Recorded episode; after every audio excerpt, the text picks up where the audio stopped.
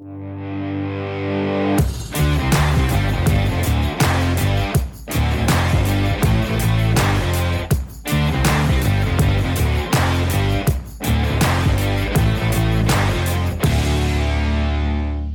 ליאור, מה נשמע? בסדר, אלכס, מה קורה? לשבת פנים אל פנים, מול שולחן, וואו, התרגשות. כן, סוף סוף. האמת שכבר ניסינו לעשות את הפודקאסט הזה, אפשר להגיד שזה פעם שנייה שאנחנו מקליטים. היית קודם כל אה, בבידוד לפני זה, ניסינו לעשות את זה בסקייפ, פחות עבד, אז אה, ניסיון שני, מקווה שזה ילך יותר טוב. כן, כן, פעם אחרונה שישבנו אחד ליד השני, זה היה לפני שבועיים בטאלין לדעתי, באסטוניה. נכון, נכון.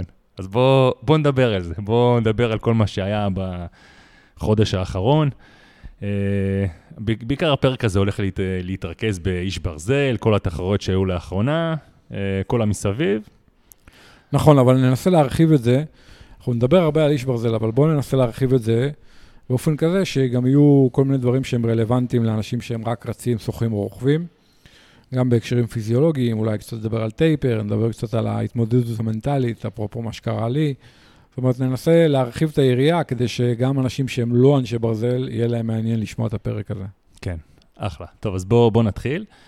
בואו נתחיל, אה, בעצם אה, היה לנו כמה תחרויות, שהראשונה מהן הייתה בטאלין, איירמן אין טאלין, אה, לפני שבועיים וקצת. אוקיי, אז שנינו הגענו לטאלין. באמת, בימים לפני התחרות היה מדהים. באמת, מזג אוויר שאתה רק, אתה יודע, אתה רוצה שיהיה לך דבר כזה בין uh, 17 ל-20 מעלות, 22, שמשי כזה, נעים מאוד. Uh, כבר בימים שהיינו שם הבנו שביום התחרות כנראה זה הולך להיות פחות טוב, והיה דיווחים על uh, גשם, אולי גשם שהתחיל במחצית השנייה של התחרות, רק בסוף האופניים. אתה יודע, אבל כמו בכל תחרות גדולה כזאת, יום-יום אתה בודק את המזג האוויר, ואתה רואה שזה פחות טוב ופחות טוב. כן, כן, היה... שמע, אני הייתי שם ארבעה ימים לפני, או חמישה, הגעתי ממש מוקדם יחסית לטאלין, והיה מזג אוויר מדהים, אמרתי, וואי, היום אני רוצה להתחרות. למחרת קמתי, אמרתי, היום אני רוצה להתחרות. ואז הבנו שהולך להיות די נאחס ביום התחרות. קיווינו שזה לא מה שיהיה, זה כן מה שהיה. זה כן מה שהיה. והקטע הוא שלמחרת היה חצי, וגם היה מזג אוויר סבבה, וגם ביום שני, שלישי, אני נשארתי שם עוד כמה ימים אחרי זה, היה מזג אוויר מעולה, בגדול, כל יום. היה פשוט יום אחד במהלך שבעה או שמונה ימים שהייתי שם, שהיה גרוע, וזה היה יום התחרות. זה איכשהו תמיד שאוי אני או אתה נמצאים בתחרות כזאת, משהו, משהו חייב להשתבש. וואו. אה, כן, כן, אבל קודם כל אולי לפני שנדבר על התחרות, נגיד, אה, אני, לפחות לפני שנסענו לטאלין, הייתי בטוח שזה מין מקום אה, נידח כזה, שאין שם כלום, נגיע, גם האקספו יהיה על הפנים, למרות שהאקספו באמת לא היה להיט, אבל ממש הופתענו לטובה מהמקום עצמו, גם מהמסלולים שיש שם בתחרות עצמה. כן, כן, אם, אם מדברים רגע על אסטוניה ועל טאלין, תראה, קודם כל אסטוניה זו מדינה שחוץ מאירוויזיון אתה לא שומע עליה. ואני חושב שלא הייתי מגיע אליה בחיים אם לא היה שם תחרות איש ברזל. וטאלין היא עיר ממש נחמדה, באמת נעימה ומלא מסעדות, בתי קפה, זה אחלה עיר למלווים לדעתי, למי שמגיע לתחרות עם מלווים. מבחינת לוגיסטיקה, התחרות היא קצת מעצבנת, כי האגם הוא טיפה רחוק מהעיר, וגם uh, T2 והסיום לא ממש קרוב למלון. אבל לא נורא, כאילו כן, זה... בדרך כלל, הרבה פעמים בתחרות עירוניות כאלה, הלוגיסטיקה היא, היא די, די, די קשה, אה, לא בכל התחרויות, אבל יש הרבה כאלה. אבל מה שכן, יש שם שירות מוניות, שחבל לך על הזמן, יש איזו אפליקציה שאוכלת את גט טקסי. כן, כן. אה, בלי מלך, בלי מלח. אה, אז ממש, אה, אני מאוד נהניתי מהעיר. אפשר להגיד שאפילו אני ממליץ, בחיים לא חשבתי שאני אגיד את זה לפני, אבל אחלה מקום. כן, כן, וגם, שמע, בתנאים טובים, אני חושב שזו אחת התחרות הכי מהירות שראיתי. אני משווה אותה, למשל, ל Iron קופנהגן, שאני חושב שזו תחרות סופר מהירה, וראינו השבוע שהייתה את התחרות. שהם הרבה חבר'ה ירדו משמונה שעות, המקצוענים. אני חושב שטאלין היא באותה שורה עם אה, קופנהגן. ובסך הכל, אתה יודע, התחרות מאורגנת יפה, והכל זורם, והכל נעים, כאילו, אין מה להגיד. כאילו, סך הכל אה, אחלה תחרות. קצת קשה להגיע, כי צריך connection, אבל, אבל לדעתי זה שווה את המאמץ, ואני בהחלט, כשאנשים שאלו אותי, אמרתי להם, תשמעו, אחלה תחרות. כן, גם uh, סתם ככה בתקופת הקורונה, תחרויות, איך זה בדיוק מתבצע, אז uh, בעצם כשאתה מגיע ביום ראשון, עושים לך מין, אפשר להגיד, אם אתה מחוסן, הם בודקים שם תו ירוק, אפשר להגיד. אם אתה לא מחוסן, הם עושים לך מין uh, בדיקה משלהם. Uh, זה ממש, uh, זה רץ, הייתי בטוח שזה ממש אה, כאב ראש, זה דווקא עבד אה, ממש טוב. כן, כן, לגמרי. ותשמע, היה, התחרות הייתה כמעט דוברת עברית, לא? כן, כן, כן. היינו המדינה השנייה הכי גדולה אחרי מדהים, אסטוניה. מדהים. אני חושב שהיו בה מלא איזה 150 ישראלים, אולי אני קצת מגזים, ובחצי היו עוד ישראלים. מהמם. שמע, היה תחושה בימים שלפני שאתה מסתובב באילת, יום יומיים לפני הישראמן, אתה יודע, שכולם בבתי קפה. מסעדות, זה זה היה מטורף. אני חושב שהיה שם כמעט אה, 200 ישראלים נראה לי, משהו כזה. בסך הכל, כן, כולל מטורף. אני חושב ש... כן. לא יודע, בימים הכי טובים של איירון אוסטריה, שזה אולי המקום שהכי ישראלים נוסעים אליו, זה, זה היו המספרים. אה, אבל אני מאמין שכולם חיכו לאיזושהי תחרות, אתה יודע, כל התקופת אה, קורונה הזאת. הרבה אמרו על התחרות הזאת שהיא תקרה, כי באמת היא קרתה פעם קודמת אה, אה, בשיא הקורונה, כן. אה, וזה עבד.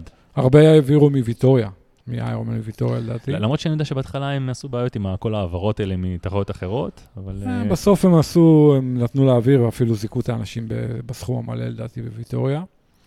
אז כן, אתה יודע, סך הכל אה, הייתה, הייתה אווירה מעניינת עם הרבה ישראלים, גם הרבה ישראלים, אה, כמה וכמה ישראלים חזקים, מהמם. שזה היה מעניין אה, בפני עצמו. ובאמת קיבלנו יום אה, מעניין, אה, שהתחיל עם מזג אוויר סביר, אבל ידענו שהולך להגיע גשם ורוח וקור. אה, זה התחיל משחייה באגם, שהיה יכול להיות שקט ונעים, אבל הוא לא היה. אני חושב שאני עד עכשיו מקלל את מה שהיה שם בשחייה. אני יודע על. כמה אנשים שפונו לבית חולים כי הם בלעו כמויות גדולות של מים, בגלל. הצ'ופ כנראה, כן. אהה. היה לא פשוט, השחייה, אני חושב שהזמני שחייה היו איטיים ממה שהיה יכול להיות אם האגם היה פלט. מצד שני, המים לא היו כאלה קרים. אתה יודע, בשנה שלפני כן, המים היו, אני חושב, 15-16 מעלות, והשנה הם היו מעל 18, ובסך הכל היה מאוד נעים כן, בשחייה. אני באמת זוכר שאני חושב שזה אפילו 19 מעלות היה ביום התחרות, וגם ימים לפני זה, אתה יודע, אני חושב שהרבה אנשים שבאו בהתחלה, הם מאוד מאוד חששו מהקור של המים. אני חושב שבימים לפני זה שנכנסנו לאגם הזה, אז היה שם 18-3, משהו כזה, ואתה יודע שמבחוץ שאתה נמצא, זה נשמע לך נורא, אבל כשאתה נכנס פנימה, זה איכשהו היה מאוד, אה, מאוד סביר, אפילו לא, לא קיבלתי את השוק הזה ההתחלתי, בדרך כלל כשאתה נכנס למים מאוד קרים, אז אה, זה היה מאוד נסבל. כן, כן, כן. אז השחייה התחילה בסדר, מבחינת uh, טמפרטורה, לא מבחינת הצ'ופ באגם. הם עשו כמה דברים מאוד מאוד יפים. לך התחילה בסדר. כן, יחסית, אתה יודע. אה, הם סימנו מאוד יפה את המצופים, מספרו את המצופים, וזה היה מאוד יפה. אתה יודע, היה שבעה מצופים, ויכולת לספור, אני ידעתי שיש שבעה, וספרתי. כן, כאילו, ממ- ממש היה ספרות על בעצם על כל אה, מצוף, אה, ענקיות, אה, אפשר כן. היה לראות את זה ממש מרחוק. הבעיה שזה היה ממש מרחוק. כן. לקח זמן להגיע לכל מצוף. כן, כן, אבל אני, אני הערכתי שאני אשחה פחות משעה, והצלחתי לשחות באמת פחות משעה, שחיתי 59. תשמע, לדעתי זה מדהים באמת בתנאים כאלה של אה, chop כזה, וגם גם צריך להגיד שהמים שם הם מאוד עכורים. אה, זאת אומרת, אם אתם אה, שחיתם בכנרת, ובוא נגיד שבכנרת המים מאוד לא צלולים, אבל עוד איכשהו אפשר לראות את הידיים, אז פה ממש קשה לראות את היד, ובדרך כלל כשאתה מנסה גם לתפוס דראפט על שחיינים אחרים, אז לפחות אתה רואה איכשהו את קצות הרגליים שלהם, ו- ופה ממש היה מאוד קשה גם לב- לבצע drafting פה על שחיינים אחרים, אז גם זה משהו שעוד יותר מקשה על השחייה, במיוחד גם שחיינים חזקים ולחלשים עוד יותר. כן, כן. זהו, ותוך כדי השחייה, בשלב שאני שחיתי, אז התחיל קצת גשם. וכשיצאתי מהמים, אני כבר ראיתי שהכל רטוב, וכולם עומדים כבר עם מעילים, והכביש רטוב, הכל היה נראה כבר כאילו שונה מאיך שנכנסנו למים. אה, ומשם היום שלי התפתח מעניין. רגע, בוא תספר, אז מה, איך, איך עלית על אופניים? תשמע, קודם כל, אתה יודע, אני צריך להגיד, אתה יודע, לא רוצה להגיד את זה להגנתי, כי, אתה יודע, אבל, אבל אני צריך לשים את זה רגע על השולחן ולהגיד בכנות. אני לא ידעתי אם אני הולך לעשות איירומן השנה, ונרשמתי לטאלין די ברגע האחרון, התלבטתי, כן, לא, אולי טאלין, אולי לנסוע לתחרות אחרת, כזה התאמנתי, אבל לא הייתי סגור על עצמי. אה, אני עד, כי באמת, אני חושב שנרשמת גם לתחרות הזאת, ממש, לא יודע, שבועיים, שלוש לפני, בכלל אה, לפני שהתקיימה. כן, כן, אה, אז התאמנתי, התאמנתי בסדר, אבל לא הייתי סגור על עצמי מהרבה בחינות. ובסופו של דבר אמרתי יאללה, ו... ואז כשאמרתי אני מזנק, אז אמרתי יאללה, אני מזנק אה, יומרני כאילו. אני, בוא, בוא ננסה לזנק יומרני, ננסה להגיע למיקום הכי טוב שאני יכול בקטגוריה, מהמם. או שזה יעבוד או שלא, אבל כאילו פחות עניין אותי להתחרות שמרני, אה, למשל, לא עניין אותי לנסות להגיע בין הראשונים, נגיד מקום חמישי או שמיני או whatever בקטגוריה ולעשות slot להוואי או דברים כאלה, כאילו זה לא, לא דיבר אליי, מהמם. אלא אמרתי, יאללה, אני מנסה לעשות אה, פודיום, או שלא, אבל אני אנסה. מהמם. ובסופו של דבר, אני, אני הכנתי לעצמי ב-T1, כאילו, ב, ב, לפני היציאה לרכיבה, היה לי בשקית אה, החלפה וסט ושרוולי ידיים, וחשבתי שאני אשים אותם כשאני אצא מהמים, כי אמרתי, אם הולך להיות רוח וגשם וקר וזה, עדיף לי להתלבש. ואז ביציאה מהמים אה, קיבלתי החלטה, החלטה לא טובה, ואמרתי, יאללה, אני יכול להסתדר בלי זה, לא כזה קר, לא כזה זהו, נורא. כי כשיצאנו מהמים, לא, לא באמת היה קר, אמנם היה קצת גשם, אבל אתה אומר, אוקיי, אני אהיה לי חם באופניים יחסית, לא? אז אה, אתה יודע, בדיעבד זה היה טעות. ההחלטה שאני עשיתי הייתה לא טובה. ויצאתי מה, מה, יצאתי לרכיבה בעצם ככה, רק עם חליפה. ואחרי חמש דקות אה, הצטערתי על זה, כי התחיל להיות לי קר וירד גשם כן, והייתה צריך- רוח. גם הגשם התגבר וגם הרוח התגברה, ככל שהיום אה, המשיך, אז... אה, כן, וגם נסענו מאוד מהר ואין שם עליות, אתה לא מתחמם, אתה, אתה פשוט נוסע... בשעה הראשונה אני חושב שנסעתי 40 קמ"ש כן, ממוצע. אני חושב שבאמת 40-50 קילומטר, כמו שאמרת לי, זה כמו מסלול המראה שם, נכון? כן, ממש אה, מאוד שטוח, אפילו, אני לא אגיד ב- במגמה של ירידה, אבל מאוד שטוח, מאוד שטוח, הכבישים טובים, אפשר לנסוע מהר. כן, כן, ו... ונסענו מהר, והרגשתי שאני ככה, קר לי, והגוף שלי לא, לא כיף לו. ניסיתי לדחוף הרבה קלוריות, כי כשקר צריך לדחוף יותר קלוריות מאשר ברגיל, כי הגוף מאבד יותר אנרגיה. מהמם.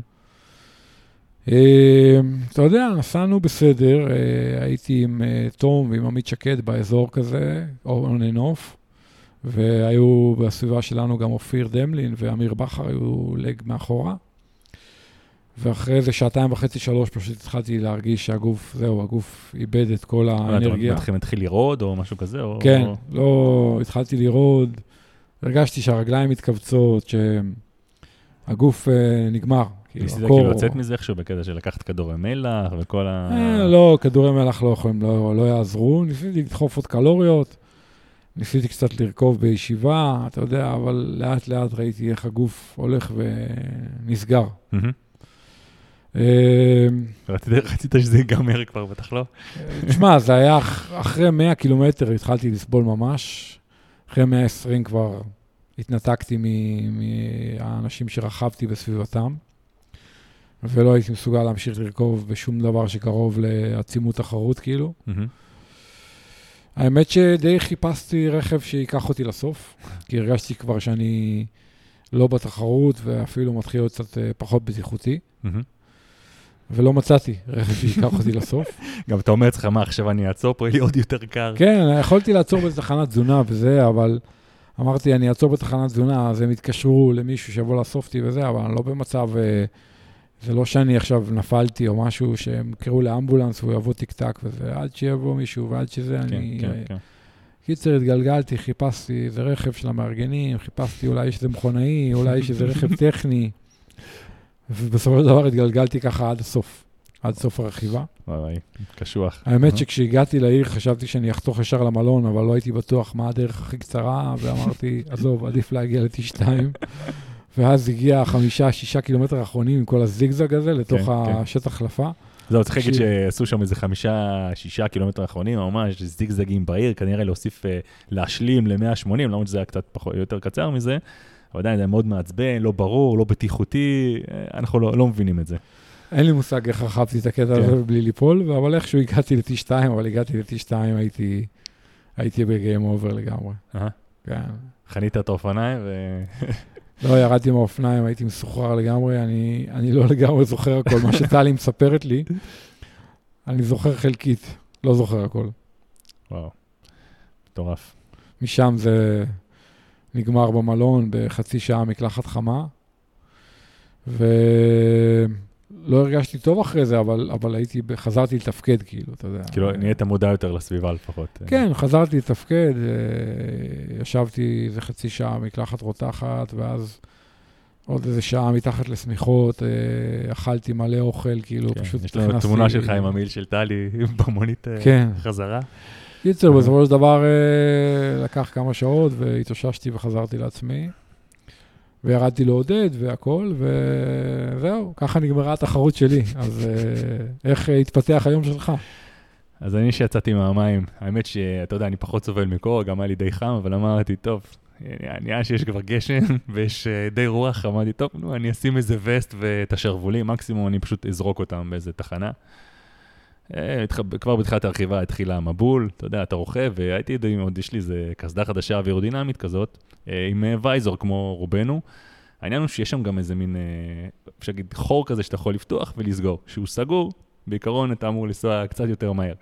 אז, אה, אבל הבעיה שהוא גם סגור, אז יש לך פחות יבור בפנים. אמרתי, טוב, יחסית קריר, אני אסע עם זה ככה, וגם, אתה יודע, זה אולי יהיה קצת יותר מהיר.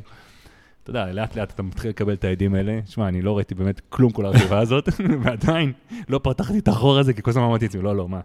סוף סוף אתה יכול לרכב אוויר יחסית קריר, ו... אז באמת, שאם אתה שואל אותי מה, אחרי זה ראיתי פתאום בסרטון של התחרות שרכבנו ליד איזה ים, ואתה יודע, פתאום אני רואה את הנופים מסביב, וואלה, נראה מקום יפה, טאלין סך הכל.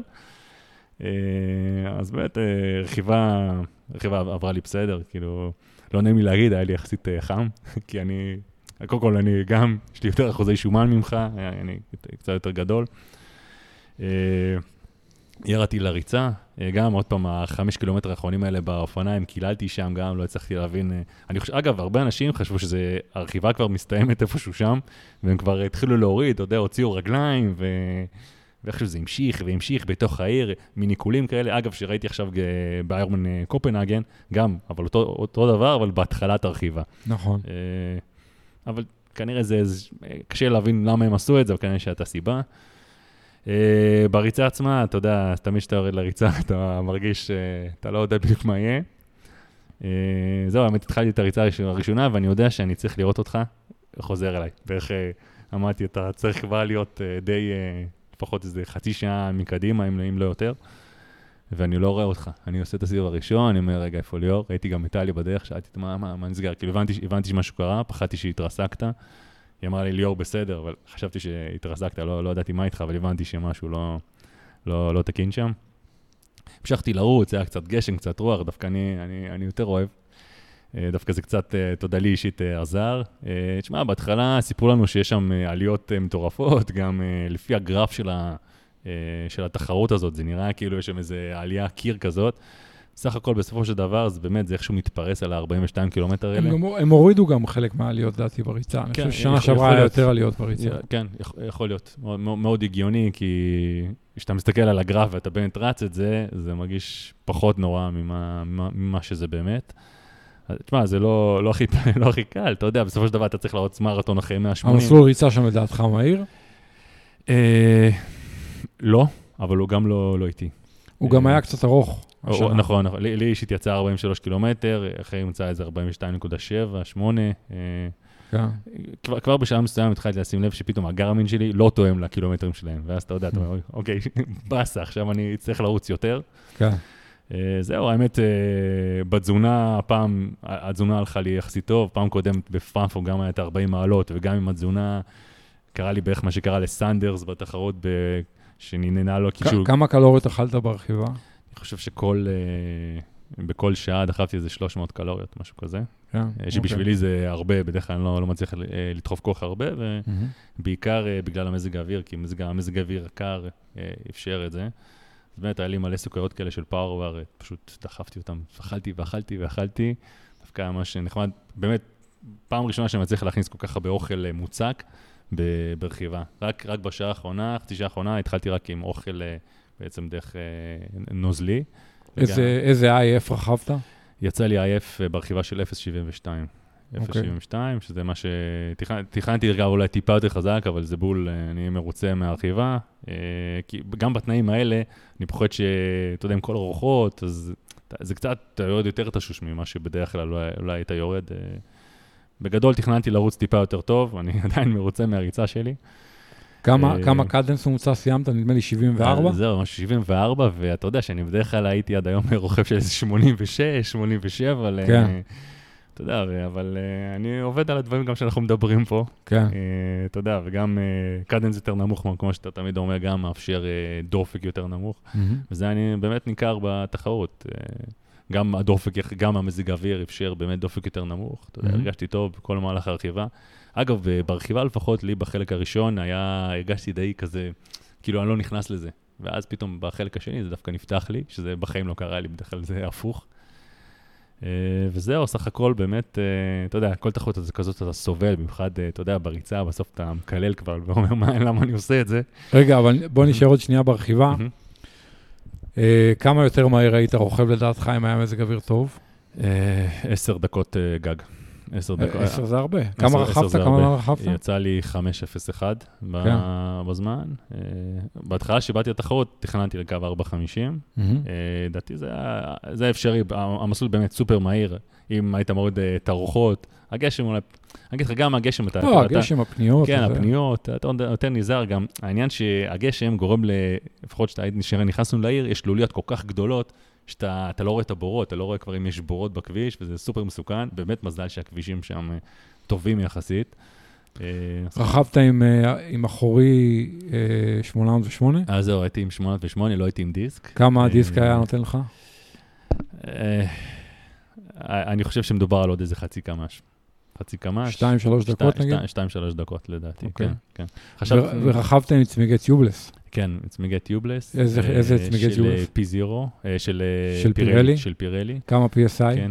אה, ניפחתי 90. 90. 90? יש אוקיי. כאלה שמנפחים פחות, אבל באימונים ראיתי שאני מנפח פחות, אני מרגיש שהצמיג הוא קופצני כזה, הוא לא... אה, הרגשתי שזה פחות מדי, הרגשתי ש-90 זה, בשבילי לפחות, זה הדבר הנכון. אני יודע שהרבה מנפחים דווקא פחות אה, לחץ אוויר, כן. ודווקא מבחינת הצמיגים אני סופר מרוצה. גם, אגב, קדמי אצלי היה 24 אה, מילימטר, ואחורי 28.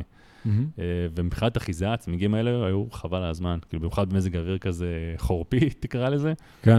ממש, אני מרוצה מהבחירה הזאת. ואתה אתה יודע, גם הטיובלס הזה, דיברנו על זה הרבה, כמה אני סומך על זה. אתה יודע מה אני חושב, אני חושב רק טיובלס, די, נגמר. כן. כן, כן, באמת. אה, אני באתי עם הרבה חששות לזה, כי לפני זה לפחות ככה חשבתי שאף פעם לא היה לי, אתה לא יודע אם יש לך פאנצ'ר הרבה פעמים בטיובלס, יכול להיות שיש לך פאנצ'ר ואתה אפילו לא יודע, כי הנוזל שם, אה, יש לך נוזל בצמיג שבעצם חוסם את זה.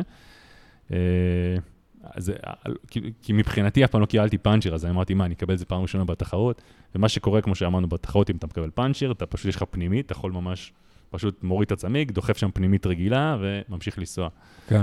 אבל אתה יודע, זה לא קרה לנו באימונים, גם לך לא, עדיין אף פעם לא נתקלת בפאנצ'ר בטיובלס. אז, אה, והיית עם אופניים עם ברקס דיסק, הוא אה, עבד בסדר? כן, תשמע, הברקס דיסק, הברקס דיסק באמת עבד מעולה. אתה יודע, אני כל הזמן אומר דברים רעים על הברקס דיסק הזה, אני, אני באמת לא אוהב אותו, כאילו, אני לא, לא מתחבר לזה, אני לא אוהב את הרעשים, אה, אבל באמת, בתחרות עצמה, אין לי, אני לא יכול להגיד מילה רעה. אתה יודע, גם מבחינת הבלימה, במיוחד, אתה יודע שהכל היה רטוב, אז זה עשה קצת רעש בבלימה עצמה, במיוחד עם הרטיבות, אבל זה עבד אה, מדהים. ופירקת את הדיסקים לפני הטיסה, נכון? כן, אתה- אז זה- זה, זה באמת נקודה טובה, איך, אה, כי אנחנו הרי רגילים שאנחנו טסים, אה, בדרך כלל תמיד יש לנו מזוודה, יש לנו את הברקסים הרגילים, שפשוט היינו תמיד בכלל שמים את האופניים בצורה רגילה בתוך המזוודה, אבל היום הרי יש ציר כזה של ציר 12, יש כל מיני צירים היום של לברקס דיסק, ובעצם צריך מזוודות קצת שונות כדי להכניס אופניים עם ברקסים של דיסק.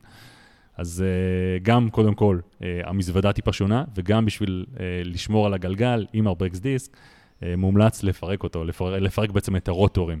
מהמם. גם לפרק את הרוטורים האלה, לשים אותם בצד כדי שלא uh, במזוודה בטיסה, וגם בברקסים עצמם, נהוג, כי הוצאנו את הגלגל, צריך לדחוף גם איזה מין ספייסרים כאלה, שבגלל שמדובר בברקסים הידראוליים, בדרך כלל, אני חושב 95% מהאופניים הם ברקסים כאלה, אה, עם, עם נוזל הידראולי, אה, שאם בעצם אתה לא דוחף שם את הספייסר, אז זה מה שקורה, שאם אם בטעות נלחץ לך הברקס בתוך המזוודה, יש מין כאלה, משהו, זה חלקים, כל זה פיסטונס באנגלית, אה, בעצם שה... בוכנות, כן. בוכנות כאלה שהרוטור שלך מתחכך בהם, כדי לעצור, אז הם פשוט יכולים לקפוץ החוצה ולהחזיר אותם חזרה, זה סרט לא נורמלי.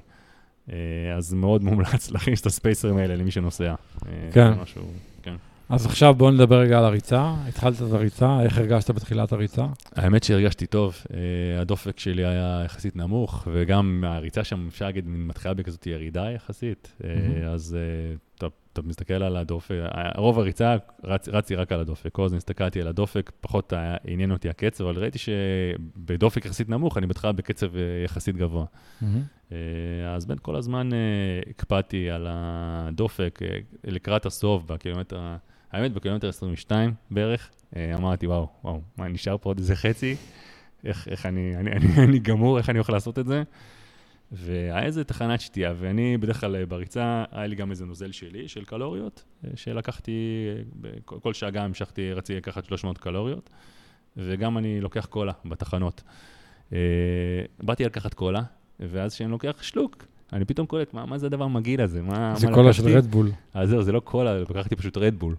אה, כי יש שם גם קולה של רדבול. אה, יש גם קולה של רדבול? לא ידעתי שזה קולה של רדבול. אז שתיתי כל הזמן את הקולה הזאת, ובטעות לקחתי כוס לא נכונה. ופתאום אחרי שלקחתי, ואתה יודע, אני לא שותה קפה אף פעם, אה, מלא מלא שנים, וכשאני לוקח משהו עם קפאין, זה, זה משפיע עליי. כן. ובאמת, אחרי איזה כמה דקות, פתאום הרגשתי כאילו חזרתי לעצמי. כאילו, אני ממש פרש מחדש, בצורה, באמת, אני הרבה מאוד זמן לא חוויתי משהו כזה. אמרתי, אוקיי, וואו, אוקיי, הרדבול הזה עושה טוב, למרות שזה מגעיל רצח, בחיים אני לא נוגע בזה.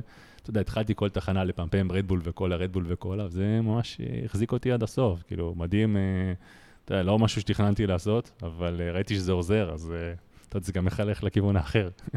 מעולה. כמו בכל תחרות. תגיד, ועם איזה נעליים רצת? עם נעלי קרבון? כן, רצתי עם הקרבון, עם הנעליים של נייקי. האמת שרשמתי את הפוסט שלי, בהתחלה באתי לרשום נעלי רמאים, אבל לא, לא, לא נעים לי להגיד. ואתה מעריך שהם עזרו? כן, כן, בוודאות. עם הנעליים האלה זה לפחות מוריד לך אה, חמש פעימות בדופק על אותו קצב שאתה מתכנן לרוץ. זה ממש, אה, אני אגיד לך יותר מזה, הנעל הזאת אפילו, היא עושה לי שפשוף ברגל ימין. אני יודע גם לעוד אנשים זה קורה עם הנעל הזאת. אני לא יודע להסביר את השפשוף הזה, ניסיתי, כאילו שמתי לייקופלסט על, על הנעל, על הרגל, גם בתחרות עצמה, ועדיין, עם זה שזה משפשף לי את הרגל, עדיין רצתי עם הנעל הזאת, למרות שבגלל, ה, אתה יודע, בגלל שזה נותן כזה יתרון, אני, mm-hmm. חד משמעית, אין פה בכלל, אין לי ספק לגבי זה בכלל. אז כן. אז בסוף הגעת לשער הסיום, וכמה היה על התוצאה? תשמע, אתה יודע, רציתי לעשות לרד פחות מ-10, כל הזמן אנחנו צחקנו בינינו, שאפילו זה עוד, עוד, אפילו עוד יותר טוב מזה.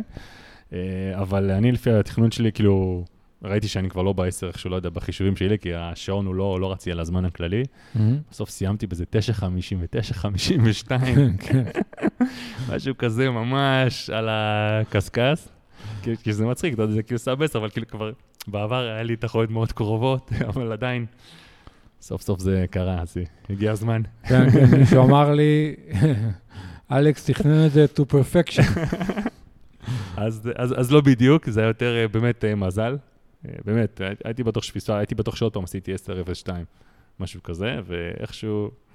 כי באמת, הריצה שם הייתה קצת ארוכה, כאילו... כן. אבל בסדר, אתה יודע, כל, בזמן האחרון אנחנו רואים הרבה תחרויות כאלה, גם בפינלנד, אני חושב שזה היה ארוך, ו... אבל. אבל האופניים הם קצת קצרים, היה איזה 178 ומשהו, לא 180. במסגרת החוק, אבל מותר להם לעשות איזה טעות של איזה 3 אחוז, דעתי. כן, מה... גם אני אומר לך שאני רואה בהרבה תחרויות אישפרזי שהשתתפתי, שזה מאוד תלוי כמה פניות יש, כמה עצים יש, כמה בניינים, אתה יודע... מי מדד את הריצה, עם איזה שעון, זה, זה, אתה יודע, אתה רואה שעונים שונים, נותנים מרחקים שונים, נכון, וכל נכון, נכון. העניין נכון. המרחקים הוא תמיד מורכב. נכון, נכון. אתה יודע, גם בשחייה אני רואה את זה, גם בריצה. אופניים זה יותר פשוט בדרך כלל, אבל uh, אתה רואה שכאילו אנשים יוצאים מהמים, כל אחד אומר לך מרחק אחר, אחרי זה עושים את המרתון, אחד אומר לך, יצא לי 42-7, אחד 43, אחד 42 400, אחד, אתה יודע. בדיוק, בדיוק. אז אי אפשר באמת לדעת, במיוחד במרחקים כל כך ארוכים, שיש שם סטייה כל פעם בשעון. כן. אתה צודק. אז אותך, אותך פגשתי, בסוף הייתי באוהל הרפואי, קצת ביליתי שם, אה, פגשתי אותך שם, אה, דיברנו, הבנתי מה קרה, ואני אגיד לך משהו, כבר באותו רגע, אני, אני, אני מכיר אותך מספיק שנים. ידעתי שאתה לא הולך ככה, אתה יודע, לוותר על זה בקלות. ידעתי שאתה הולך, אה, אתה יודע, להירשם לעוד תחרות מאוד בקרוב, כי אני ידעתי באיזה כושר אתה, מבחינתי, אתה יודע, גם שאני עכשיו משחרר את התחרות, אנחנו נדבר עוד מעט מה, מה קרה בהמשך, אבל גם שאני משחרר את. את היכולת שלך. אני חושב שמקום 1-2 בקטגוריה שלך באמת בטאלין היה, אני לא אגיד סגור, אבל זה היה די, די מובטח, אם לא היה, אז קורה איזה משהו יוצא דופן. Uh, בסדר, ולא הופתעתי שאתה יודע, שאמרתי לי כמה ימים אחרי זה באמת שאתה הולך לפרנקפורט שקורה אה, שבוע אחרי זה. נשארת בטאלין, אז בוא, בוא תספר קצת מה, תראה, קודם. כל, אני חושב שהגעתי בכושר טוב. אני חושב שהגעתי בכושר ריצה ממש טוב, כאילו יותר טוב ממה שהייתי בעבר אולי. בשחייה הייתי סבבה, באופניים אולי כבר הייתי בשנים מסוימות בכושר יותר טוב. איבדתי קצת מסה אולי בשנה, שנה וחצי האחרונות, ואז, אה, אתה יודע, קצת איבדתי משקל, עזר לי בריצה, פגע לי קצת באופניים. איבדתי קצת אחוזי שומן. אה, יש משפט במרוצי מכוניות, If you want to finish first, you first have to finish. אז אה, הובלתי את הקטגוריה בטאלין עד קילומטר 120 באופניים, אבל אם אתה רוצה לנצח, אתה דבר ראשון אתה צריך לוודא שאתה מסיים. אה, בסדר, אתה יודע, אני הייתי מבואס מאוד. כן. כי, אתה יודע, הגעתי בכושר טוב, ו- ואתה יודע... כן, כן, אתה גם בא בעמדה של מאמן, אנשים מכירים אותך, אה, זה לא, אתה יודע, זה לא נעים כן. אה, לסיים ככה. כן, כן, הייתי מבואס, אבל uh, אתה יודע, אמרתי, בסדר, אלה החיים, אין מה לעשות, גם, אתה יודע, באתי יומרני וזה, אתה לוקח קצת סיכונים, אתה... וביום ראשון בבוקר התחלתי לחשוב רגע מה הלאה, יום למחרת, התחרות הייתה בשבת. אה, ואמרתי, טוב, אולי אני אסע עוד איזה שבועיים, חודש כזה לעוד תחרות. גם אדווה אמרה לי, יאללה, נכנסתי לאתר, יש עוד כל מיני תחרויות וזה, כאילו, אולי אמרה את זה כדי לנסות לעודד אותי, אני לא יודע אם היא חשבה על זה עד הסוף. אבל אה, אופציה אחת הייתה לחזור הביתה ולנסוע באמת מתישהו לעוד תחרות, אבל אתה יודע שבימי קורונה, אתה נוסע הביתה, אתה לא יודע מה יהיה אחרי זה, מהמם. תצליח לצאת, לא. תצליח לצאת, מה, זה, פה, שם, עוד פעם לארוז, להתארגן. ואז אמרתי, טוב, יש שתי תחרויות בסוף שבוע הקרוב. כאילו, יש את אה, פינלנד בשבת, שזה מרחק מעבורת מהמם. ויש את פרנקפורט, שזה בדרך הביתה, כי גם ככה הייתי אמור לעשות טיסה דרך uh, גרמניה, אומנם הייתי אמור לחזור דרך מינכן, אבל אמרתי, טוב, נשנה את הטיסה לפרנקפורט ונחזור מפרנקפורט לישראל. ודי מהר קיבלתי החלטה ללכת על פרנקפורט, כי גם אני מכיר טוב את התחרות, מכיר טוב את המסלול. כמה, כמה פעמים היית שם? האמת כמשתתף וכמתחרה, כאילו, בוא תגיד את זה שהתחרתי ככה. שם רק פעם אחת לפני זה, ב-2013, מהמם. אבל הייתי עוד חמש פעמים אה, כמלווה. וואו, וואו. אז הייתי שש פעמים בפרנקפורט לפני השנה. מטורף, זה אפשר להגיד שזה מסלול הבית. ותחרות הבית, כן. בהחלט, אני מכיר טוב את העיר, את המסלולים, את המסעדות, בתי קפה, כאילו, הכל. ו... אבל, אבל, אבל פרנקפורט זה לא בדיוק טאלין, מבחינת המתחרים כן, והרמה. כן, כן. תשמע, זה אליפות אירופה. באים לשם הרבה חבר'ה מאוד חזקים, כן. הרבה מקומיים. כמו שאמרנו, איזה גובה אריות. כן, כן. תשמע, אתה מסתכל, אני הסתכלתי אחרי זה על התוצאות, למשל ב-30-34 וב-50-55, כל העשירייה הראשונה זה גרמנים, והתוצאות הן חבל על הזמן. נגיד, אתה אתה כן. מסתכל נגיד 50-55, אתה רואה את כל העשרה הראשונים גרמנים, וכולם יורדים לך מ-10 ביפר, כאילו. כן, כן, כן. אז אתה אומר, וואו, כאילו, הרמה היא גבוהה מאוד. יורדים יותר מ-10 בתחרות שאתה לא לא פשוטה, שנדבר על זה בהמשך. כן, אז... אה, אה, ואז אני אמרתי, עדיף לנסוע לפרנקפורט, כי באמת אני מכיר, וזה גם פרנקפורט, ידעתי שכנראה הולך להיות חם. תמיד פרנקפורט חם. אמרתי, אחרי הטראומת קור הזאת, עזוב, תן לי חום, לא אכפת לי, רק לא קור. רגע, אז בוא בוא תגיד לי קודם כל איך באמת, איך התאוששת מזה בכלל, אתה יודע, יום ראשון אתה חוטף היפותרמיה, שבוע לאחר מכן אתה רוצה לזנק עוד פעם לתחרות. כן, אז אה, תראה, קודם כל, המזל היה שלא רצתי, אז אתה יודע, מבחינת. הרגליים וזה, הם היו יחסית בסדר. אה, אז קודם כל, ביום ראשון, תוך כמה שעות, טלי ואני עשינו את כל השינויים. אה, טיסות, מלון, זה, פה, שם, אה, נרשמתי לתחרות, כאילו, נכנסתי. ל... אתה יודע, לאתר, בום, נרשמתי לפרנקפורט. למחרת הם סגרו את ההרשמה. גדול. ויום שני עשיתי עיסוי בטאלין. אה, לא הייתי במצב עדיין להתאמן או משהו, אבל אתה יודע, הרסתי את הדברים לאט לאט וזה, ו... וזהו, ואז באמת אה, נשארנו בסוף עד יום רביעי בטאלין. אה, הגענו לפרנקפורט, והרגשתי גרוע. גם פיזיולוגית, גם מנטלית. הרגשתי, לא יודע, הייתי בסטרס, הרגליים שלי היו נורא תפוסות כאילו.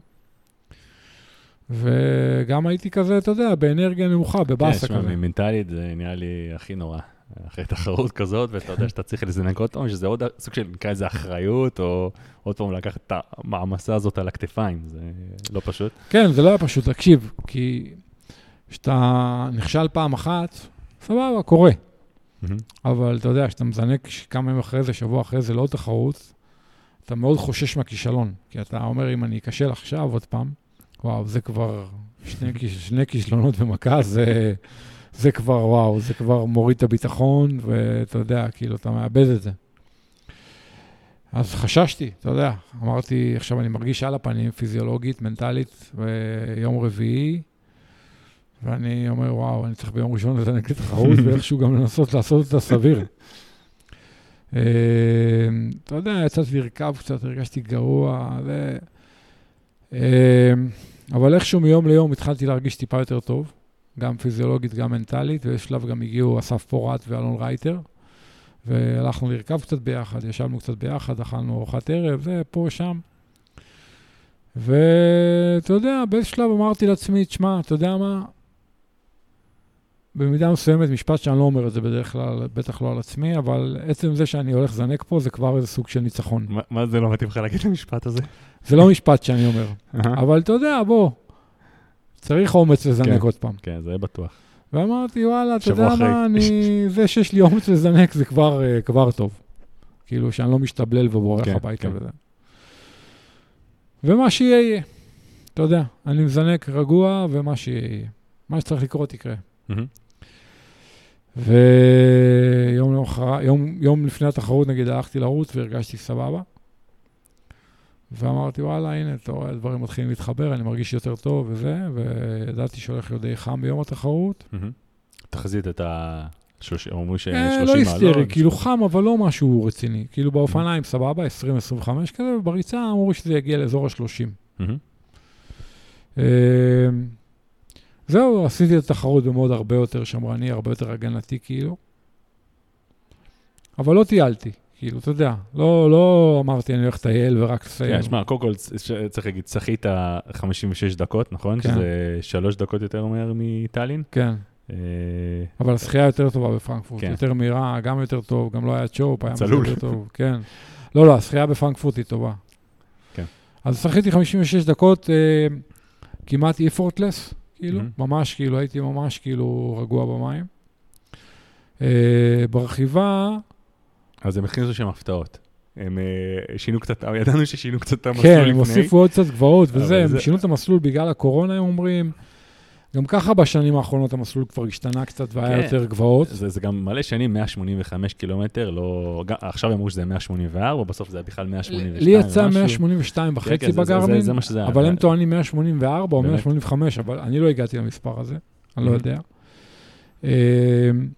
היו הרבה גבעות, אני יצא לי 1,500, הם אומרים 1,600, מהמם, טיפוס. up and down, up and down, כזה איירומן אוסטריה פתאום. מהמם. אה, רכבתי על ואטים יחסית שמרנים, הייתי על 0.7, על 0.70 IF כאילו, והרגשתי סבבה, אתה יודע, הכנסתי הרבה ראיתי אותך כל. הזמן, עקבתי ברכיבה, אמרתי, אוקיי, אני רואה, אני רואה שהוא שומר, כאילו, כי הוא יודע שאתה מסוגל כאילו לרכב יותר מהר. כן, נכון, אבל הלכתי על השמרנות. בוא כן. נגיד שאם בטאלין הלכתי יומרני יותר, אז פה הלכתי יותר שמרני. אמרתי, עזוב, אני לא נכנס להרפתקאות עוד פעם וזה, תן לי להתגלגל את Mhm. ה-180 קילומטר או את ה-180 ומשהו, ולהגיע לריצה. ואמרתי, אין, אני רק צריך להגיע לריצה. אני אגיע לריצה, יהיה בסדר, כאילו. אין, כן, כי כן. באופניים תמיד יכול להיות לך איזה תקלה, איזה זה, אתה יודע, שימנע ממך לסיים. ואמרתי, אני דורך על הריצה, אני על הרגליים, זהו, אני סיימתי. רגע, ומבחינת יצאת באופניים, מה מה היה לך? אתה אתה כן עם גלגל דיסק מאחור. הייתי עם דיסק, באתי מטאלין, לא היה לי הרבה כן. בחירה, באתי עם הדברים מטאלין. בסדר, אבל זה עדיין היה רלוונטי, הייתי עם דיסק אחורי ו-70 קדמי, ולא לא שיניתי כלום ב setup. מהמם, אה, כן הוספתי מתקן בקבוק. אני בטאלין זינקתי עם בקבוק אחד. כי גם מזג האוויר אה, הוא טוב, מהמם. גם יש שם הרבה תחנות תזונה, ואתה מגיע מהר מתחנה לתחנה, כי אתה נוסע מאוד מהר. כן. אז זינקתי לטאלין עם בקבוק אחד. ובפרנקפורט, בגלל שידעתי שהולך להיות חם, אמרתי, זה קצת הימור גדול מדי לזנק עם בקבוק אחד. וזה היה הימור טוב בסוף? אה, או שלא השתמשת? אה, השתמשתי, אבל יכולתי להסתדר עם בקבוק אחד. יש לך בפרנקפורט, היו חמש תחנות תזונה בכל הקפה. זאת אומרת, היו עשר אה, תחנות זה- זה תזונה. הרבה, זה הרבה. כן, זה המון. הרכבתי עוד מתקן בקבוק, אמרתי שיהיה, אבל תכלס לא באמת הייתי חייב אותו. כן, לפחות זה לביטחון. כן, אמרתי, זה חם וזה, וגם תן לי לסיים, ועזוב אותי, כאילו. תראה, הבעיה עם בקבוק אחד, זה קצת הימור אם הוא נופל לך. עכשיו נגיד לקחת בקבוק נכון. מתחנה, התחנה הבאה עוד 20 קילומטר, עוד 25 קילומטר, ונגיד שעכשיו לא שמת לב, טק טק, עלית על איזה באמפ, הופ, עף לך הבקבוק, עכשיו יש לך 20 קילומטר כן. שאין לך שתייה. כן. זה ההימור בבקבוק אחד. אה, זהו, והתגלגלתי באופניים, היה סבבה, כאילו הרגשתי בסדר, לא מדהים, אבל אה, נסענו. אה, בוא נגיד שאם בטאלין הייתי בקדמת התחרות, בפרנקפורט ממש לא הייתי בקדמת התחרות. כאילו, אתה רואה, פשוט כמות החבר'ה החזקים היא שונה. כן, כן, זה, זה כאילו ליגה אחרת, ליגה אחרת של כן, מתחרים. זה- זה הרגיש אחרת.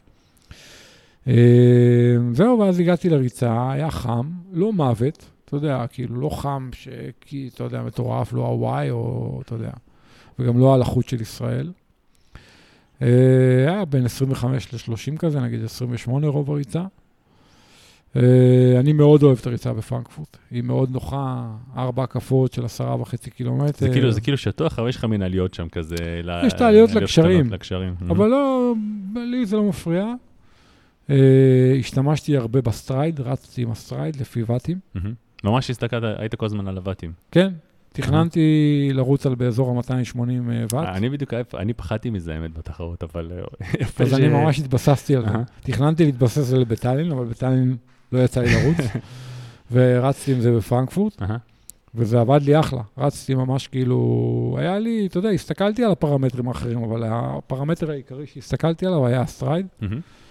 והתחלתי שלושה ארבעה קילומטר ראשונים טיפה מהר מדי, לקח לי קצת זמן להרגיע את עצמי, אבל לא, לא היסטרי. ואז התיישרתי לוואטים ולקצבים שחשבתי שהם ריאליים. ודרכתי קצת בהקפה האחרונה, אבל ממש בקטנה, לא כן, משהו שמע, רציני. רצת די קבוע. כן. אה, תמיד, אתה יודע, אני ידעתי גם שאתה רוצה עדיין אה, מקום בקבוצת גיל, אה, אז כל הזמן ניסינו, לפחות טל- טלי גם הייתה שם, ניסינו שתצעק לך גם אה, איפה אתה נמצא. כן, אתה יודע, אבל גם הסתכלתי על שלושת הראשונים אצלך בקבוצת גיל, ואתה יודע, אני רואה ש... מה זה, זה 45, 49? אתה יודע, ואני רואה שאנשים שם מתחילים לרוץ את המרתון על קצב שזה 4, 10, משהו כזה.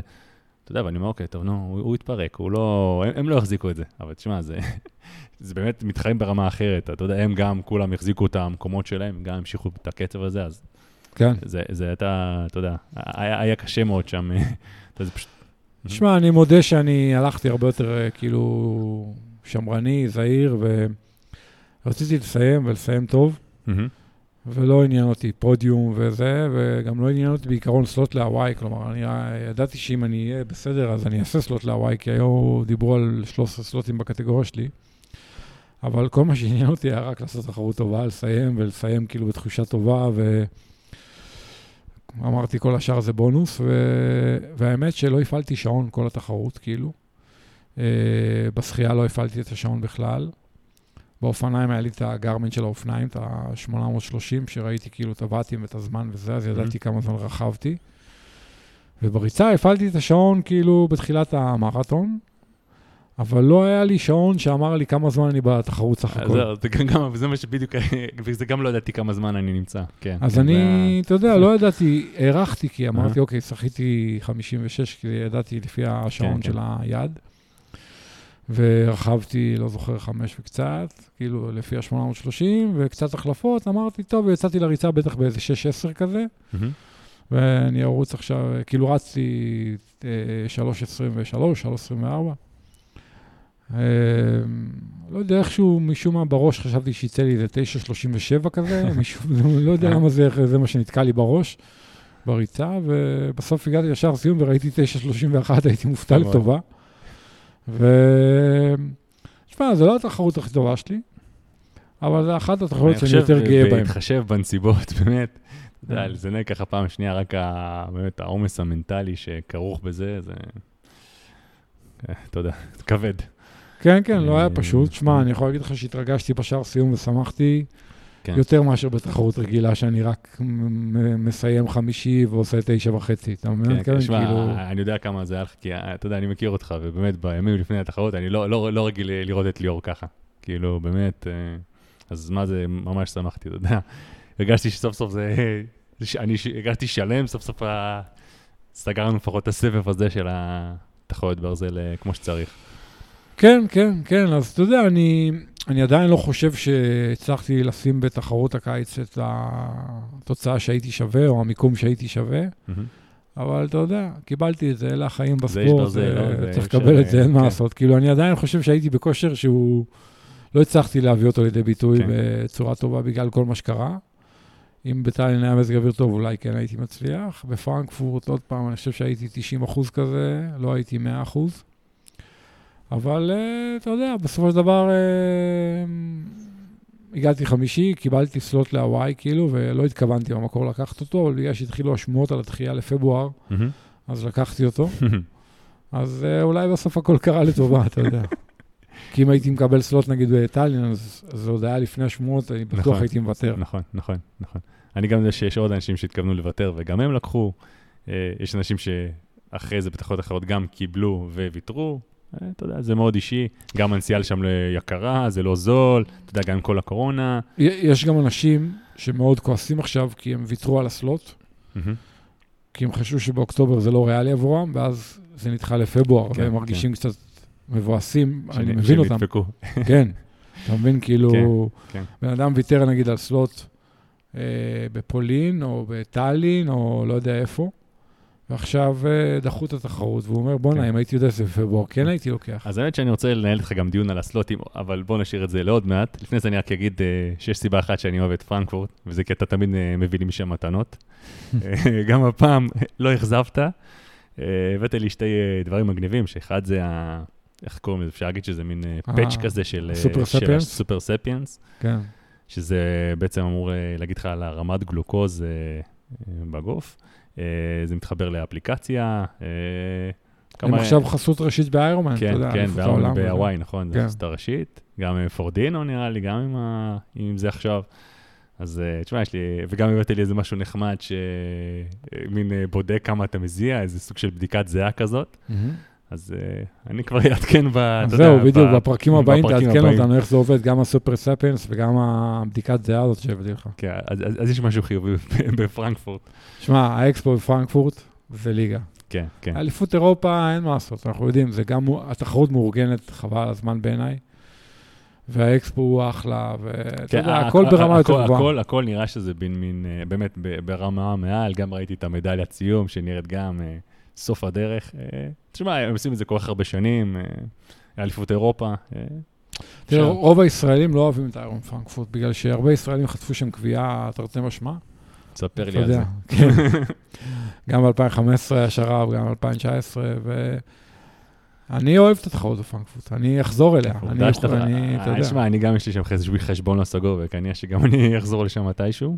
אבל כן, אני אני כן חושב, למרות שאני לא, אתה יודע, אומנם לא הלך לי טוב בת- אה, לא לי טוב בתחרות הזאת, אבל באמת, מבחינת אה, מסלול, אני חושב שזה המסלול שהכי אהבתי. אה, מבחינת מסלול של להתחרות בו, אה, גם אני חושב שזה, אתה יודע, אם לא עכשיו את כל הגבעות האלה שהוסיפו לכם אה, ברכיבה שם, אני כן חושב שזה זה מסלול יחסית אה, כן יכול להיות מהיר. למרות שכל פעם הם עושים שם משהו אחר שמאיט אותו. אה, וזהו.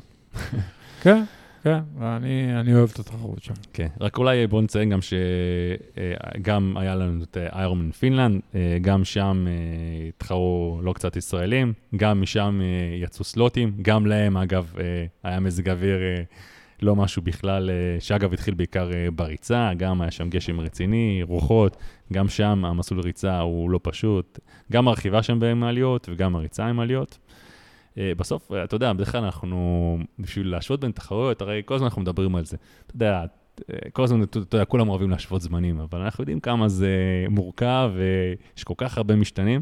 אנחנו בדרך כלל מסתכלים, נכון, על המקצוענים, על הביצועים שלהם, ולפי זה בערך מנרמלים את זה, מנסים להבין. גם יש כל מיני אתרים באינטרנט ששם מראים לך בדרך כלל את ההבדלים בין התחרויות.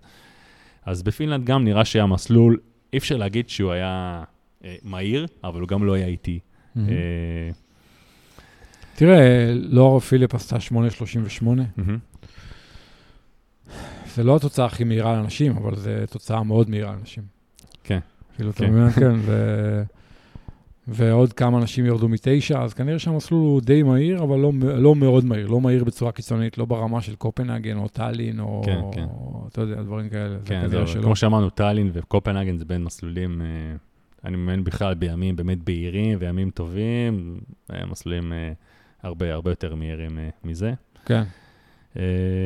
וזהו, והתחרות האחרונה שהייתה לנו ממש עכשיו זה בעצם קופנהגן.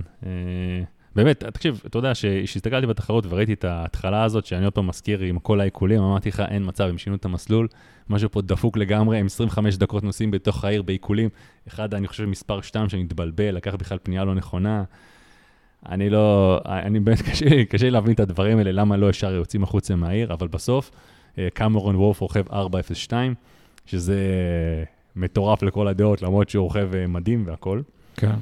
וכל השאר רכבו 4-8, 4-10, כן, כאילו. כן, כן, כן. המסלול שם הוא סופר מהיר באופניים. ביום כמו כן. שהיה להם, ביום בהיר כזה, חבל על הזמן. ודווקא שם, אני חושב שלא, האמת, אה, מבחינת ישראלים, אתה מכיר ישראלים שהשתתפו שם השנה? אה, לא, אני לא מכיר. שזה, שזה אה. מעניין, אולי, אתה יודע... אה, אתה יודע מה, היו כמה חבר'ה, אני חושב כן? שכן, אה, כמה חבר'ה שנסעו, כן. אז מי שרוצה לעשות תוצאה מהירה, קופנהגן, בשנה. מהיר, בשנה טובה עם מזג אוויר כמו שהיה ביום ראשון, כן. אחלה תחרות. כי כמו, כמו כל תחרות, גם כאן נשאר, אה, אני חושב גם הייתם שם בשנה שהיה רוחות, נכון? היה- לא, לא, היה- ב-2016 שהיינו שם היה מזג אוויר מעולה, והחבר'ה שלי עשו תוצאות אה, כי, כי מעולות. אני גם מכיר שנה שהיה שם רוחות, וזה לא היה ככה. כן. אז אה, אתה יודע, תלוי על איזה יום אתה נופל. לגמרי. אה, טוב, אז אה, נראה לי הגיע הזמן לדבר על הסלוטים, על ה... אני לפחות, אה, קודם כל, כמו שאמרנו, ואתה יודע, אם אתה מסתכל על כל תחרות שעברנו, יש הרבה מאוד ישראלים שיצאו עם סלוטים. כל כך הרבה, שזה באמת משהו שהוא, בוא נגיד, יש פה סטייה, סטייה רצינית ממה שקורה בדרך כלל. כשאתה מסתכל על זה, למה זה? אז הסיבה היא כנראה גם באמת הקורונה, שהרבה אנשים ויתרו על הסלוטים שלהם. אה, גם, אתה יודע, איירון... אה, רגע, עוד לפני זה, זה, זה מתחיל מזה שבשבועות האחרונים, בתחרויות, איירומן שמו פתאום מלא מלא סלוטים. הרי לפני נכון. חודש, איירומן הודיעו שכמה תחרויות שהן בדרך כלל 40 סלוטים, הפכו להיות 75. זה שינה את הכל, אתה יודע, Mhm. פתאום יש לך תחרות שהיא כפול סלוטים ממה שהיה אמור להיות במקור, וגם חלק מהתחרויות לא היו הרבה משתתפים יחסית. בכל התחרויות היו פחות משתתפים מהרגיל. גם בפרנקפורט לא הייתה הכמות הרגילה. כי- כי בדרך כלל זה תחרויות שהן מתמלאות, אה, אתה יודע, הן די אה, נסגרות גם, הרשימה שם נסגרת מהר מאוד. אה, ברור, פרנקפורט, אוסטריה, קופנהגן. כמו שאתה אומר, להירשם לפרנקפורט שבוע, כמעט. לפני הזה, אין מצב מצב. בחיים. כן. אז זה התחיל מזה שהאיירומן ניסו למלא את השורות לקראת אליפות העולם בהוואי באוקטובר הקרוב, שבינתיים כבר בכלל נדחתה. נכון. אבל הם פתאום זרקו באירופה בכמה תחרויות המון סלוטים, וגם באמריקה, אם אתה זוכר, היו שלוש תחרויות שפתאום קיבלו 150 כן, סלוטים, כן. ואחת אפילו קיבלה 200. זה הכל היה ניסיון של הרגע האחרון למלא את השורות בהוואי, כי הם צריכים משתתפים, כי הם צריכים כן, כסף. הם צריכים כסף, כן. כן. מהמם. אה, אז גם זה, גם פחות משתתפים מהרגיל, וגם אני כן חושב שהרמה של הישראלים עלתה, אתה יודע. חלק מהחבר'ה גם זה סלוטים שלא פעם ראשונה, אתה כן, יודע. כן, אז, כן.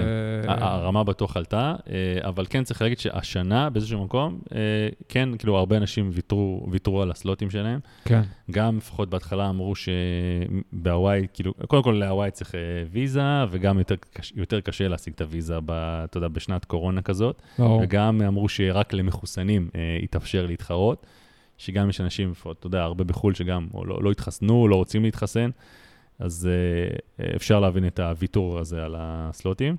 אז אה, סלוטים התגלגלו, בסופו של דבר, אתה יודע, יש, יש, יש הרבה ישראלים מסלוטים, בכלל יש הרבה אנשים שלפני זה כאילו לא, לא היה להם בכלל סיכוי לסלוט וקיבלו את הסלוט הזה. וגם איירון אמרו בהתחלה שאולי אפשר לראות את, לדחות את הסלוט הזה ל-2023, 2024. ואז אתה יודע, אני אומר באיזשהו מקום, אתה יודע, הסלוט הזה, הרבה, כל כך הרבה אנשים רוצים להגיע להוואי, כי זה משהו שקשה מאוד להשיג. שוב פעם, אני לא מעמיד באיזשהו, בשום מקום, ב, אתה יודע, מה שאנשים עשו, ואתה יודע, מה צריך בשביל להשיג את זה, אבל אה, אתה יודע, שזה פתאום מתאפשר יותר בקלות, אז אה, יש פה איפשהו זילות מסוימת אולי, אה, אתה יודע, אה, של הדבר הזה, של הסלוט הזה שאתה משיג, שבעצם שהקושי יורד להשיג אותו. אז uh, כ- כמישהו שעוקב אחרי הספורט במשך הרבה מאוד שנים, ואתה יודע, גם זה חלום שלי להגיע ל- לקונה, אז פתאום שהתנאים כאילו להגיע לשם הם יותר קלים, אז אתה יודע, זה נראה, זה באיזשהו מקום נראה פחות טוב, זה איזשהו מוריד מה, אולי מהרצון, אה, אתה יודע, להגיע לשם בהמשך, או מהרמה עצמה, מה אתה חושב על זה? תראה, קודם כל, ברור שזו שנה חריגה.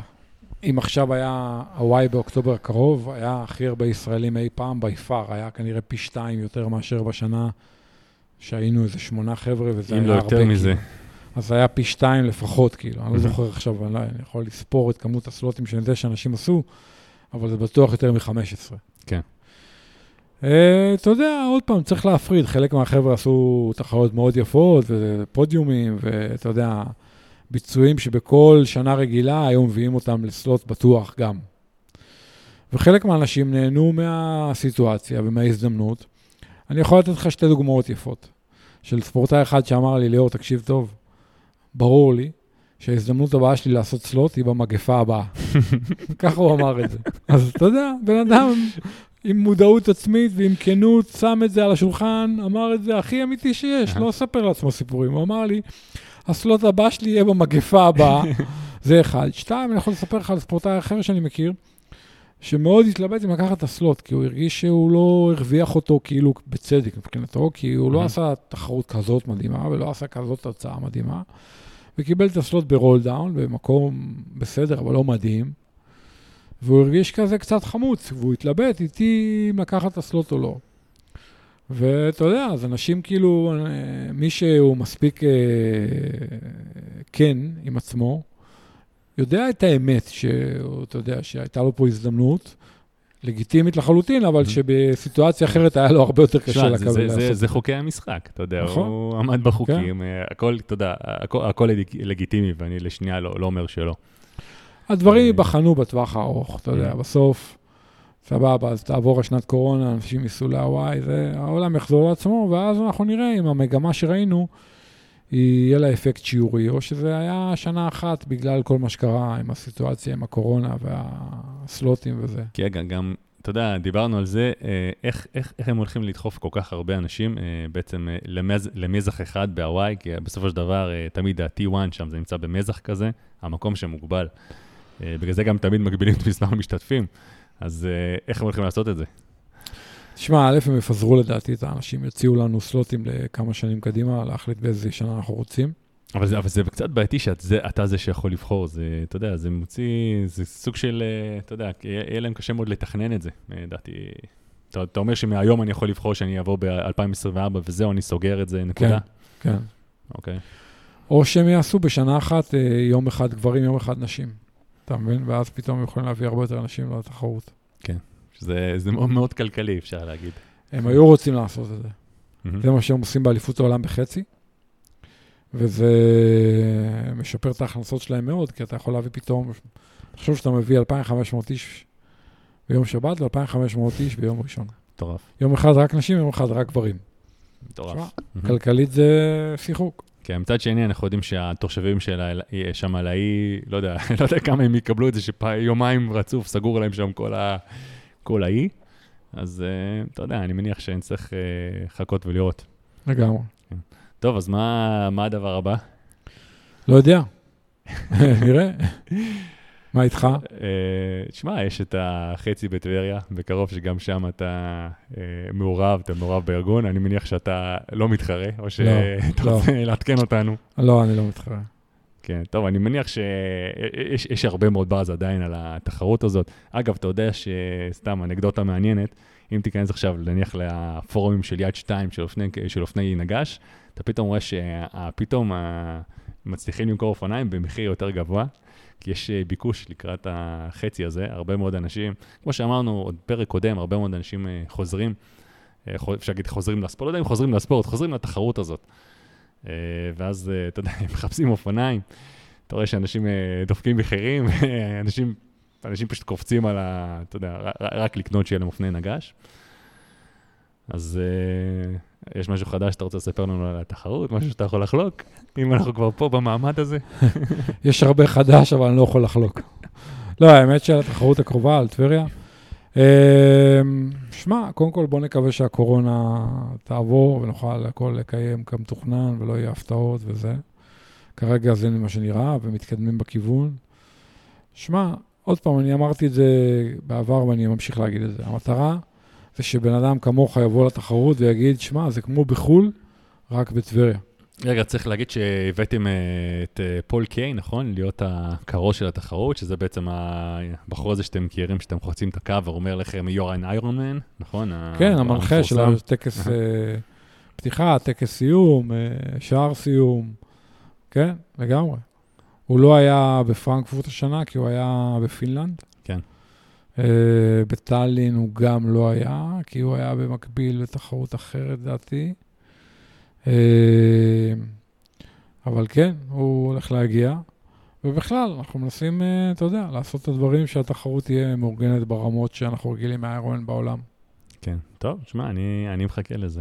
יאללה. כן. ואני חושב שלפני שננעל את הפודקאסט, אני שוב פעם פתאום אה, קפצתי לראש מה שראיתי השבוע ב Ironman קופנהגן. אני, לא, לא דיברנו על זה, אבל בואו נדבר קצת על, על ליונל סנדרס וקמרון וורף ומה שהיה שם.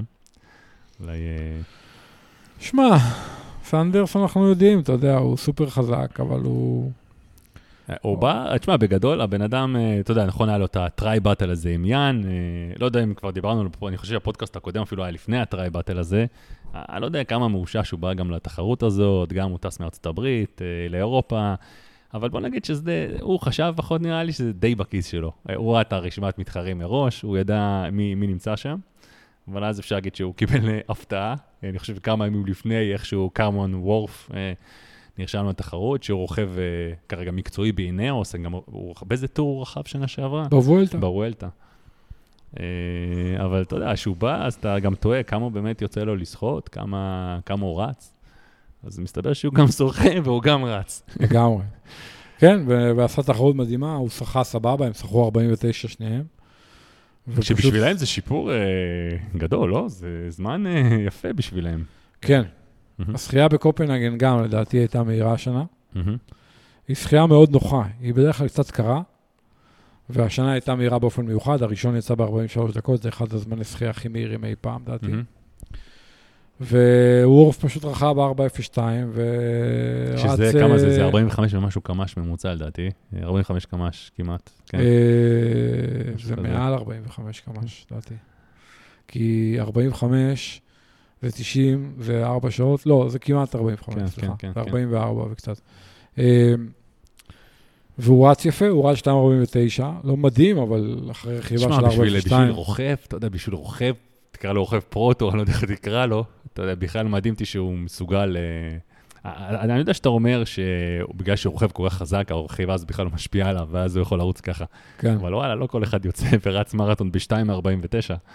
לגמרי. אה, זהו, וסנדרס רץ 2.43, אבל זה לא עזר לו, כי הפער היה 8 דקות לפני הריצה, ונגמר שתי דקות אחרי הריצה. אז כן. הוא סגר עליו, אבל לא מספיק. כן, סגר עליו לא מספיק, סיים שני, קיבל את הסלוט הזה להוואי שהוא כל כך רצה. כן. תשמע, אה, לדעתי זה די כישלון מהצד שלו, למרות שעל פניו נראה שהיה לו תחרות טובה, אבל באמת, אה, לא יודע, איכשהו אתה, ממישהו כזה, אתה מצפה לו יותר ורוצה ממנו יותר באופניים. אה, קצת מאוכזב, לא כל כך מבין מה עושה בזמן האחרון, גם הוא לדעתי לא כל כך מבין. סנדרס הוא ספורטאי מדהים מבחינת היכולות הפיזיולוגיות והמנטליות, אבל הוא... בוא נגיד שאם באיירומן יש לך נגיד עשר משימות לעשות, הוא מצליח בכל תחרות לעשות שבע. בכל תחרות יש שלוש שהוא מפספס, כל פעם זה שלוש אחרות. לפעמים זה התזונה, לפעמים זה הריצה, לפעמים זה השחייה, הפעם זה בכלל היה אופניים, הוא רכב כאילו יחסית אליו די בינוני. ואז היית אומר, וואלה, אם היה רץ נגיד אחרי זה, לא יודע, 2.39, היית אומר, תשמע, רכב רגוע, אבל רץ מדהים, אבל... כן. 2.43 זה מאוד יפה, אני לא אומר שלא, אבל עובדה שלא הספיק לו לנצח את התחרות. כן, לא הספיק לו לנצח. אז... אה, תחרות שהייתה שלו, אפשר להגיד. אבל הוא עדיין עשה תחרות בעיניי ממש יפה. כן. בואו לא נשכח את זה. הוא עשה 7.49. לא, התוצאה עצמה מדהימה. זהו, הוא עשה, אבל... עשה תחרות מאוד מאוד יפה. אחת התחרות ברזל היותר טובות שלו. נכון, כי לא כזה הלך לו בזמן האחרון. כן, בדיוק, אז... אה, כן. זהו. וטוב, כן. אז בשבוע הבא אנחנו צריכים לראות אותו גם ב Collins Cup, שזה, אני מניח שנדבר על זה כבר בפודקאסט הבא. שזה גם מעניין אותי איך הוא הולך להתאושש לתחרות הזאת. כן, הוא נגד פרודנו וסם לונג, כן. כן, זה, זה כבר גמור מראש, אבל אה, אתה יודע, זה סנדרס, אי אפשר לדעת מה יהיה. בדיוק, כן.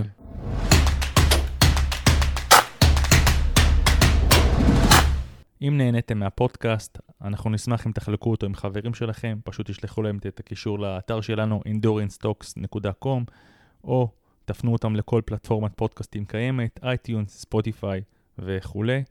אם יש לכם שאלות, אתם מוזמנים לשלוח לנו אותם, אנחנו נעשה את מיטב המאמצים לענות עליהם כאן בפודקאסט. מה שלא נצליח לענות כאן, אנחנו מבטיחים לענות בפרטי. וזהו, עד הפעם הבאה.